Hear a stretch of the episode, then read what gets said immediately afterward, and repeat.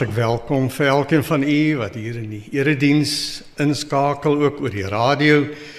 Ons dank die Here vir die geleentheid om hier vanuit Rietfontein Suidgemeente te bid dat die Here se seën oor hierdie land sal spoel en elkeen wat inluister ook en elkeen wat luister wonderlik sal ontmoet en sal seën. En ons het 'n verlange en 'n begeerte dat die Here by ons sal wees. So kom ons vra vir hom om ons in hierdie oomblikke te ontmoet. In die naam van die Vader, die Seun en die Heilige Gees begin ons en dank ons U dat U hier is want U beloof Here Jesus waar ons in U naam bymekaar is is U self by ons. En ons wil ons harte vir U oopstel en ons weet U het ons lief en U reik uit na ons want dis U wat gesê het kom na my toe almal wat dors het En ek sal vir julle gee van die water van die lewe. En hierdie water sal in julle binneste 'n fontein word wat opborrel en oorloop na ander. Kom Heilige Gees, kom maak ons harte vol dat ons sal oorloop. Amen. Kom ons sing tot eer van die Here 'n loflied.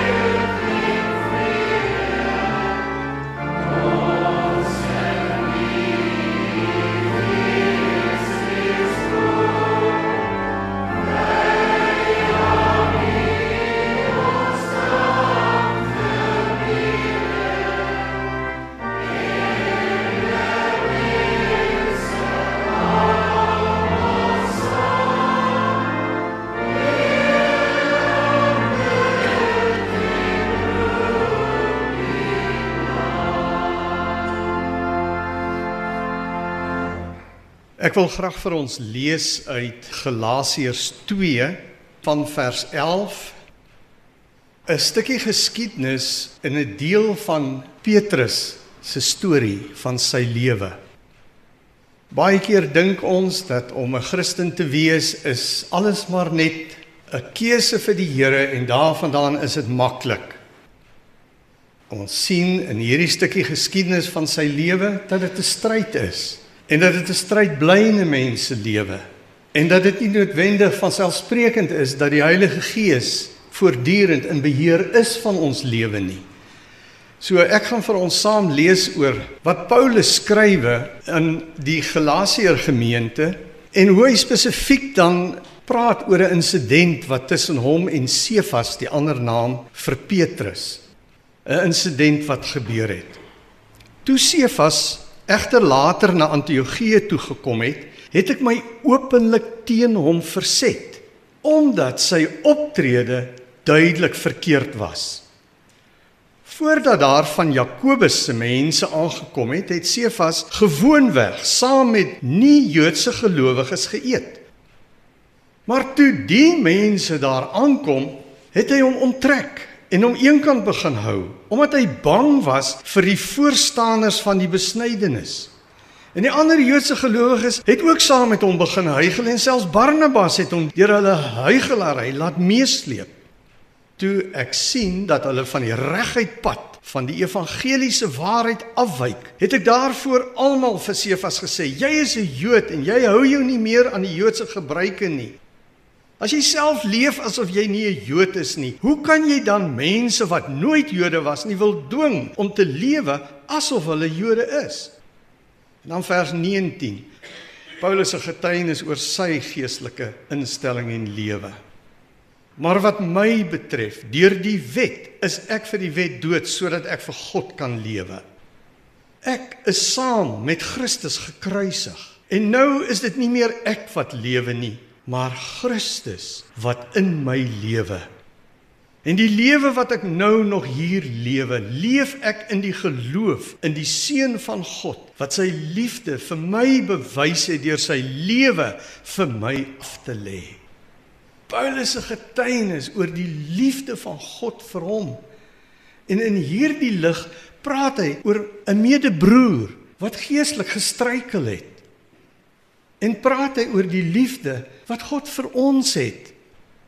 Al klink dit hard dat hy reguit praat oor dinge wat verkeerd geloop het in Petrus se lewe. My vraag is oor jou persoonlike lewe en jou verhouding met die Here. Is dit 100% reg? Hoe voel jy oor jou verhouding met die Here?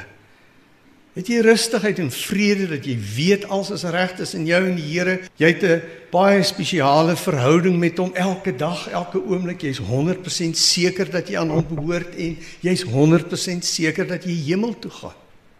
Het jy 'n lewe saam met die Here waarin jy agterkom en bewus is jy groei geestelik. Jy dra vrug. Jy het 'n invloed in hierdie wêreld. Jy seën mense.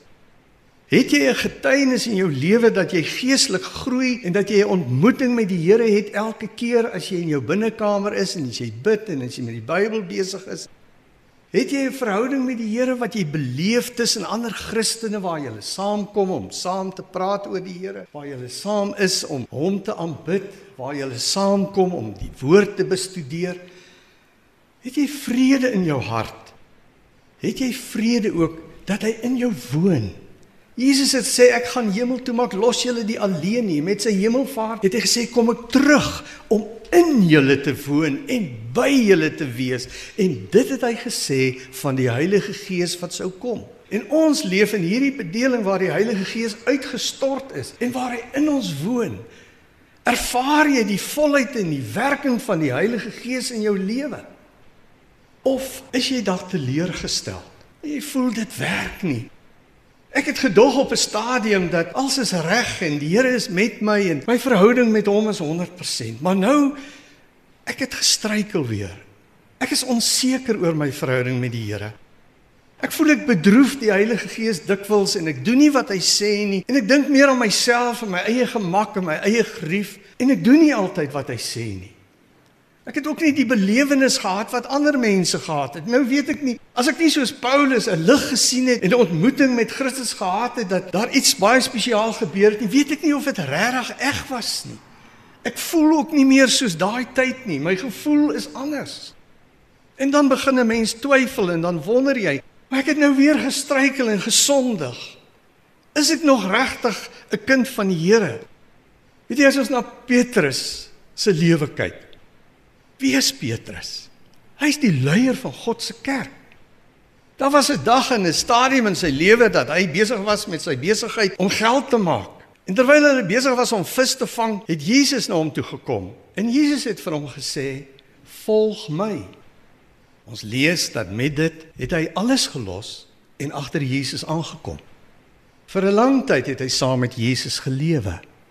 Vir 3 jaar aan sy voete gesit en geleer en gesien wat Jesus doen en hy het beleef hoe dat hy aan die kruis sterwe en hoe hy opgestaan het uit die dood en hoe hy hemel toe gegaan het.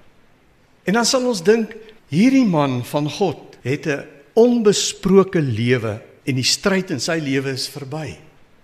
Dis nie die waarheid nie.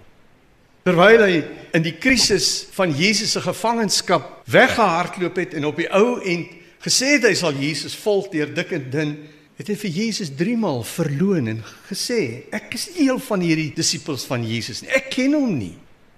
Jesus het egter weer na hom toe gekom na sy opstanding uit die dood en vir hom kom vra en hom verskyn en met hom 'n persoonlike gesprek gehad en gesê: "Ek het jou lief, Petrus, maar kan ek jou vra, het jy my lief?"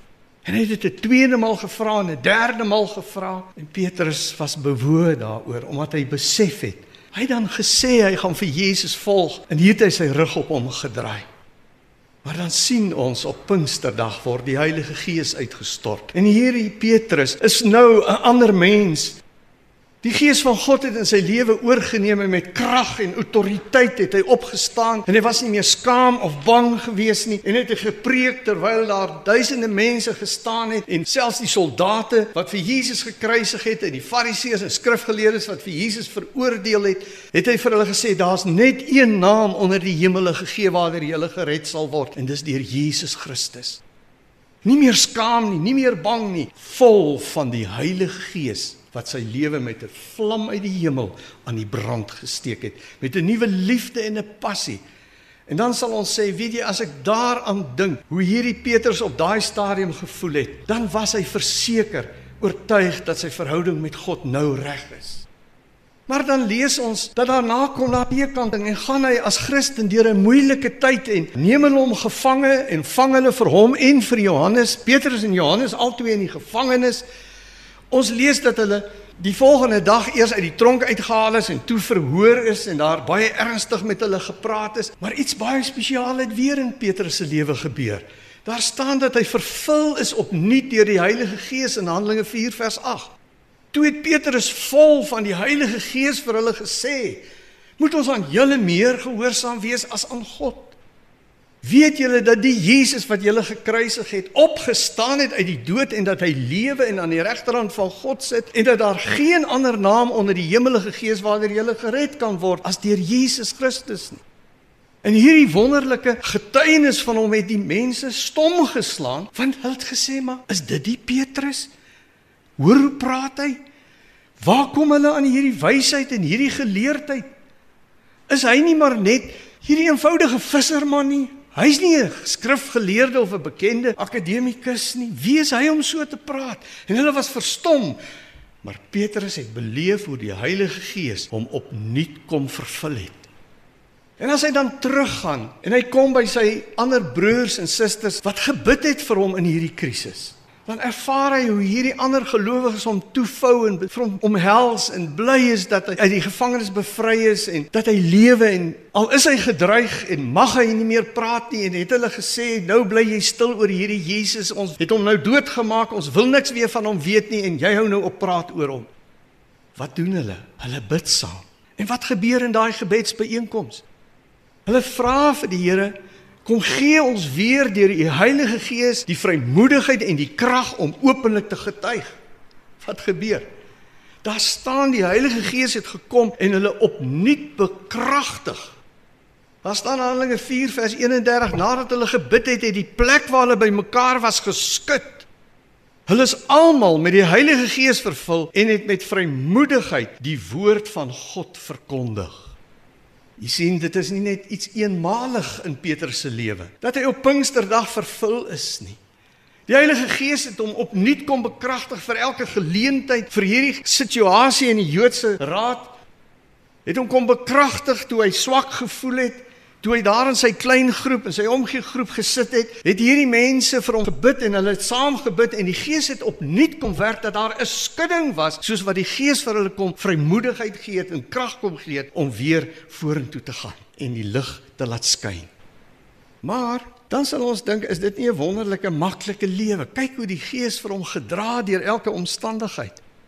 En dan lees ons hier in Galasiërs 2 vers 14 hierdie stukkie geskiedenis van Petrus wat van die reguit pad van die evangelie afgewyk het. Hier staan toe ek sien dat hulle van die reguit pad van die evangeliese waarheid afwyk, het ek daarvoor almal vir Sefas gesê om beruspe. Maar gesê jy dwaal. Wat jy nou doen is skyn heilig Petrus. Dis nie die waarheid wat jy nou besig is om te doen is nie in die waarheid nie. Hier is 'n Christen wat geesvervuld was en wonderlike ervarings van die Heilige Gees gehad het, wat weer gedwaal het, wat weer teleurgestel het, wat weer op 'n stadium nie in die waarheid geloop het. En oor sy pad as 'n mens kyk, sê Paulus, ek het met Petrus gepraat, openlik, want hy die ander Joodse Christene het hy ook beïnvloed om weer terug te gaan na die Joodse gebruike.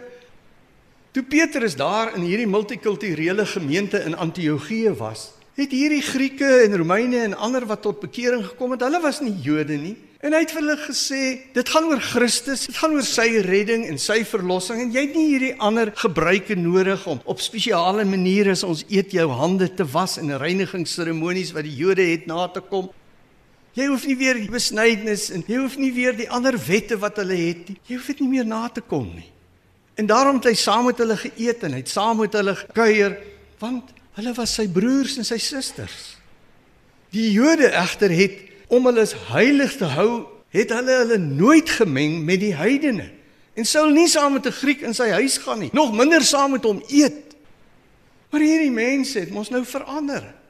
Daar's nou nie meer onderskeid tussen Jood en Griek, baas en slaaf, ryk man, arm man nie, man, vrou. En daarom het hy by hulle aan huis gaan kuier en saam met hulle geëet. Maar toe die mense van Jerusalem afkom, hulle was konservatief. Hulle het sterk gestaan nog op die Joodse gebruike. En toe Jakobus met die afvaardiging kom om te kom kyk wat gaan hier aan want hier's 'n herlewing in Antiochië aan die gang. Hier's mense wat nie Jode is nie en hulle kom ook tot bekering. Toe ewe skielik hou hy hom eenkant. Toe wil hy nie meer in hulle huise ingaan nie. Toe wil hy nie meer saam met die multikulturele mense van die gemeente meng nie en hy wil nie saam met hulle eet nie.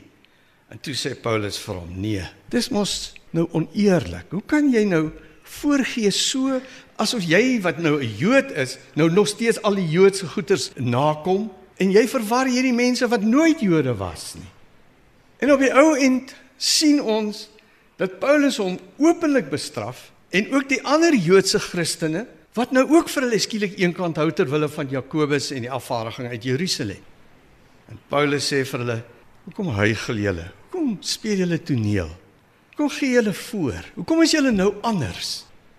Jy sien ons ken dit mos as mense. Ons wil mense ter wille wees. Ons wil by almal gewild wees en aanvaarbaar wees. En dan wil ek nie nou iets doen wat net nou hoe dink hulle van my? En Petrus was juis iemand wat graag wou gewild en aanvaarbaar wees. Hy wou graag ook deur Jakobus aanvaar word en erken word en geprys word en goed gepraat word van. En nou sit hy in 'n situasie waar hy skielik besef, maar hoe gaan hulle nou van hom dink? En nou tree hy anders op.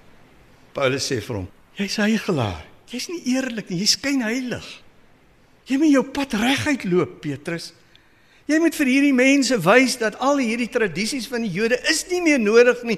Dat as hulle by Jesus uitgekom het en hy hulle sonde vergewe het, het hulle nie iets meer nodig om God te behaag nie. Nou moet julle maar net lewe in gehoorsaamheid aan die Gees wat in julle is. Daarom lees ons ook dat Paulus spesifiek later na hierdie verhaal verduidelik hy. Hy sê Jy weet ons sondige natuur is 'n probleem want ons sondige natuur maak spesifiek dat ons anders wil optree. Hier is 'n stryd in ons. Petrus, jy het toegegee aan hierdie versoeking om gewild en aanvaarbaar te wees. En terwyl van jou trots het jy sekere dinge nou gedoen, maar weet jy, dit is die ou natuur wat jy weer gehoorsaam het. Jy het weer toegegee aan jou sondige geaardheid. Luister wat staan daar in Galasiërs 5 vers 16 tot 18. Laat julle lewe steeds deur die gees van God beheers word. Dan sal julle nooit soog voor die begeertes van julle sondige natuur nie. Wat ons sondige natuur begeer is in stryd met wat die gees wil en wat die gees wil is in stryd met wat ons sondige natuur begeer. Hierdie twee staan lynreg teenoor mekaar en daarom kan julle nie doen wat julle graag wil nie. Maar as julle julle deur die gees laat lei, staan julle nie meer onder die wet nie. Verstaan jy wat hier gebeur? Paulus is besig om te verduidelik al word ons Christene en al kom woon God in ons en Jesus in ons hart deur sy Heilige Gees, is die ou natuur nie weg nie. Hy's nog steeds hier in ons binneste. Wil hy ons lewe beheer? Wil hy vir ons lui maak? Wil hy ons ongehoorsaam maak? Ag nee, wat gaan die mense van jou dink? Ag nee, moenie nou so praat oor die Here nie. Man, dis nie nodig nie. Moenie so, moenie dat nie. Hoekom? Jy kan maar op jou eie godsdiens aangaan en jy kan maar soos wat jy dink. Jy is nie so ernstig wees oor die Bybel nie. Jou ou natuur kan vir jou weer wegtrek van wat die Gees wil hê. Daarom waarsku die Bybel op verskillende plekke. Moenie die Heilige Gees bedroef nie. Ons kan Moenie die Heilige Gees weerstaan, skryf Paulus aan die Tessalonika gemeente se Christene. Want hulle is besig om weer hulle ou natuur te gehoorsaam en te doen waarvoor ek wil en ek doen nie wat die Gees van die Here vir my sê nie. Ek is nie onder beheer van die Gees nie. Hierdie twee wat in my is, is in stryd met mekaar. En in plaas van van om te doen en gehoorsaam te wees aan die Gees en onder sy beheer en in sy vervulling te lewe, het ek die Gees begin eenkant druk en het ek weer van die reguit pad van die evangeliese waarheid weggedraai. So daarom moet ek en jy weet hoe belangrik dit is om steeds ons ou natuur te kruisig. Dis wat hy hier in 2 vers 19 sê. Hy sê ek net Paulus vir julle verduidelik. Dis een ding wat die Here my kom leer het. Ek leef nie meer nie. Ek het gekies deur hierdie ou natuur. Ek laat hom nie meer toe om my besluite te neem, my lewe te beheer nie. Ek kies teen my sondige begeertes. Ek kies teen hierdie ou natuur se wil en ek neem my kruis elke dag op. Ek leef nie meer nie. Ek het saam met Christus gesterwe. Jy sien die kruis is die simbool van die dood. Ek maak hom dood. Ek luister nie meer na my ou natuur nie en ek luister nou na wat die Gees van die Here vir my sê. Dis dieselfde waarheid wat ons lees wat Jesus gesê het. As jy 'n Christen wil wees wat agter my aankom, moet jy jou kruis elke dag opneem. Jy moet elke dag in elke situasie weer en weer kies teen jou ou natuur. Jy moet bly kies teen jou sondige begeertes want dit is nog steeds in jou. Jy wil weer 'n verskoning uitdink, jy wil weer nie doen wat die Here sê nie. Jy word weer kwaad, jy verloor weer jou humeur. Jou ou natuur kan jy weer toelaat en 'n slegte ding sê of 'n lelike ding sê of 'n ding vat of 'n ding doen wat jy weet sonde is. Hierdie stryd is in jou binneste. Maar nou sê hy, ek leef nie meer. Ek het gekies, ek het gesterf in myself, in my ou natuur. En nou leef ek nie meer nie, maar Christus leef nou in my. Waarom sal ons 'n stryd hê? Want ons het hierdie stryd teen hierdie vyand in ons. Maar daar's ook 'n vyand buite ons. Ons leef in 'n sondige wêreld. Ons leef in 'n wêreld wat op die ou end gemaak het dat daai seun wat by sy pa gebly het en deur sy pa versorg was wat Lukas 15 vir ons vertel van dat die pa op die ou end vir sy kind groet as hy na die ver land toe gaan waar hierdie verloklike liggies en die dobbelmasjiene en die gawe vrouens en die baie geld en die baie partytjies en al die lekker dinge wat hy van gedroom en gehoor het hom uit die huis uit weggevat het. Die suigkrag van hierdie wêreld het hom weggeneem van sy pa se teenwoordigheid en sy pa se huis. En ons weet dat op die ou end mislei die vyand ons dat ons in die wêreld dink ons gaan gelukkig wees en op die ou end sit ons in die varkhok en sien ons ons het verloor. sien ons ons het nie meer daardie vreugde en daai intimiteit wat ons van God gehad het, die nabyheid van ons Vader. En dis hoekom daai verlore seun teruggegaan het. En gesê ek verlang om weer by my pa te wees en die verhaal wat Jesus vertel oor hoe hierdie verlore seun terugkom en die pa se liefde vir hom, die vergewensgesindheid wat in sy pa was, wat na hom hardloop om omhels en hom vryspreek en hom herstel as sy kind. Dis die liefde van ons Vader. Maar ek en jy weet daar is 'n mag wat ons wil wegtrek van God. Dis wat die Bybel ook praat as hy in Jakobus 4 vers 4 sê die vriendskap met die wêreld is vyandskap teen God. Wie 'n vriend van die wêreld wil wees, wys daarmee dat hy 'n vyand van God is. Jy sien, jy kan nie God en Mammon dien nie. Jy kan nie 'n vriend van God en die wêreld wees nie. Jy moet toe daarop bly kies. Romeine 1 praat van moenie in hierdie wêreldse patrone en hierdie wêreldse denke en denkraamwerk ingetrek word nie. Moenie dat hierdie sondige, vrysinnige wêreld jou wegtrek van God se woord en dat jy nader aan dink dit is die waarheid. Pas op vir 'n invloed en 'n krag wat jou wil wegtrek van God af. Selfe derde vyand wat die Bybel van praat. Ons lees dat in 1 Petrus 5 vers 8 staan daar Julle vyand die duiwel loop rond soos 'n brullende leeu op soek na iemand om te verslind. Hy het nie goeie bedoelings met ons nie. Hy wil ons wegtrek van die Here. Hy wil ons in allerlei versoekings inlei, net soos wat hy in die begin met Adam en Eva gedoen het. Hy wil vir ons laat struikel. Hy kom met versoekings en hy gooi hierdie mooi aas uit, maar daar's 'n skerp hoek binne-in. Op die ouend moet ons weet dat hy soos 'n leeu wat om die huis loop en hy soek 'n deur wat oop is of 'n venster of elders waar hy kan inkom en sy bedoeling is om seer te maak en skade te bring. Dis moet nie die duiwel al die skuld gee nie. Want baie keer is goed wat gebeur met ons wat verkeerd is, is ons eie skuld. Ons het self verkeerd gekies. Maar ons moet weet daar's 'n vyand wat Paulus ons teen waarsku wat ons nie kan sien nie bose magte en geeste in hierdie wêreld in. Efesiërs 6 vers 12 staan daar ons stryd is nie teen vlees en bloed teen mense wat ons kan sien nie maar teen elke mag en gesag teen elke gees wat heers oor hierdie sondige wêreld teen elke bose gees.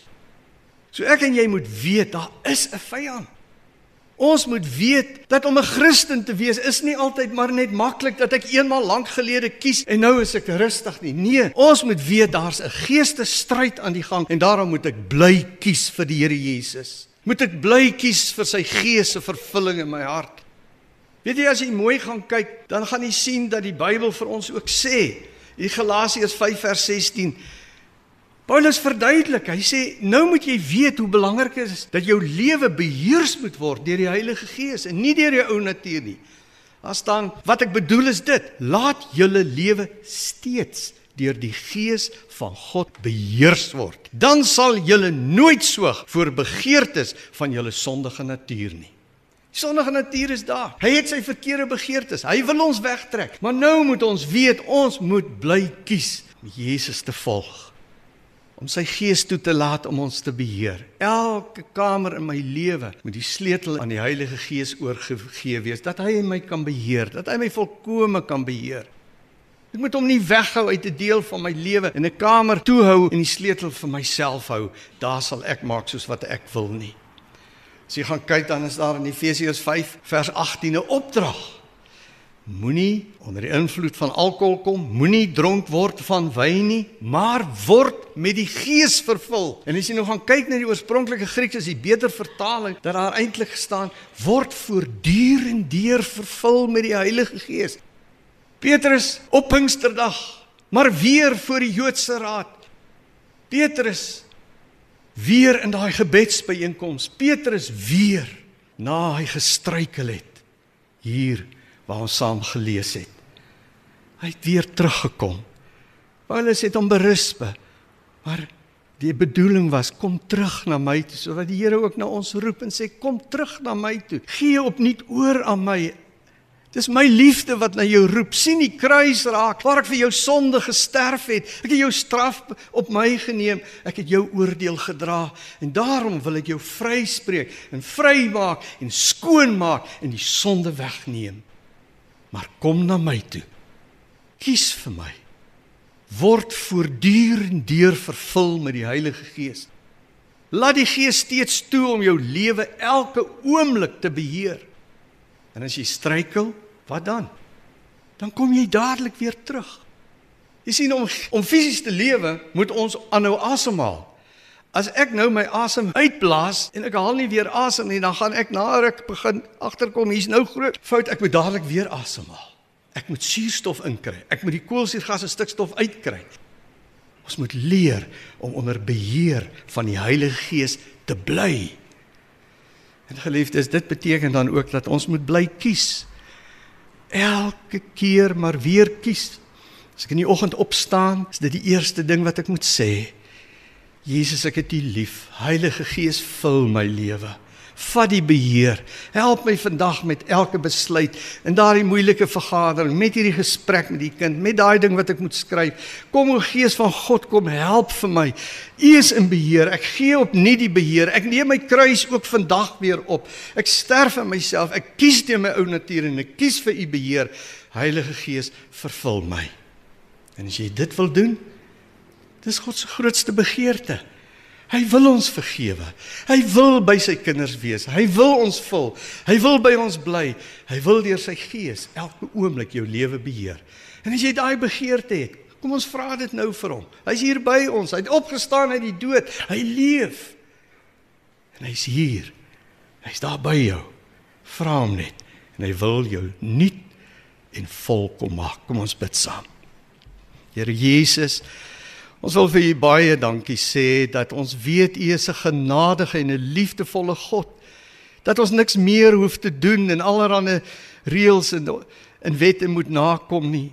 Maar dat ons net na U toe kan kom wat sê kom na my toe en ek sal jou vergewe en ek sal jou nuut maak. Here, ek kom vanmôre na U en ek vra dat U nou my hart sal kom skoon maak van my ongehoorsaamheid en selfsugtigheid my ou natuur wat ek so blyk vertroetel.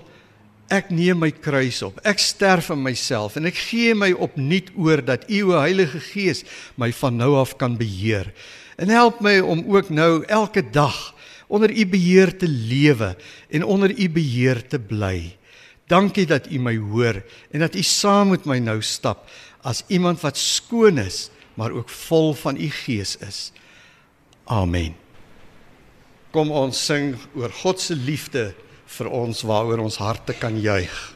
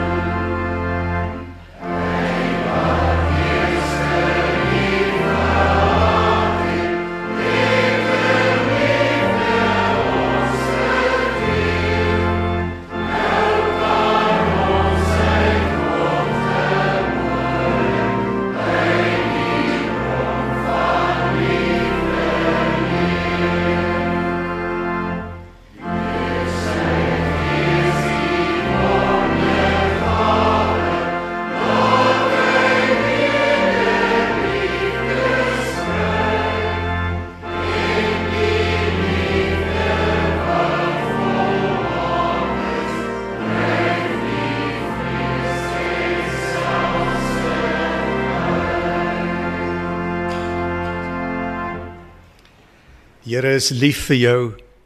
Wil by jou bly. Wil saam met jou wees elke tree van jou lewe op hierdie pad wat jy gekies het.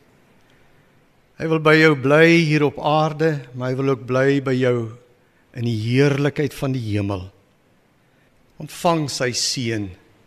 Die genade van ons Here Jesus Christus, die genade wat ons vry maak, skoon maak, nuut maak Die genade van U Here Jesus van Golgotha bly met elkeen van julle. En die liefde van God ons Vader hou jou vas en versorg vir jou, beskerm jou dat niks jou sal ontbreek nie. En die gemeenskap van God die Heilige Gees lei jou, bly met jou, maak jou 'n fontein wat oorloop van lewende water ontvang die seën van God drie enig Vader, Seun en Heilige Gees. Amen. Thank you.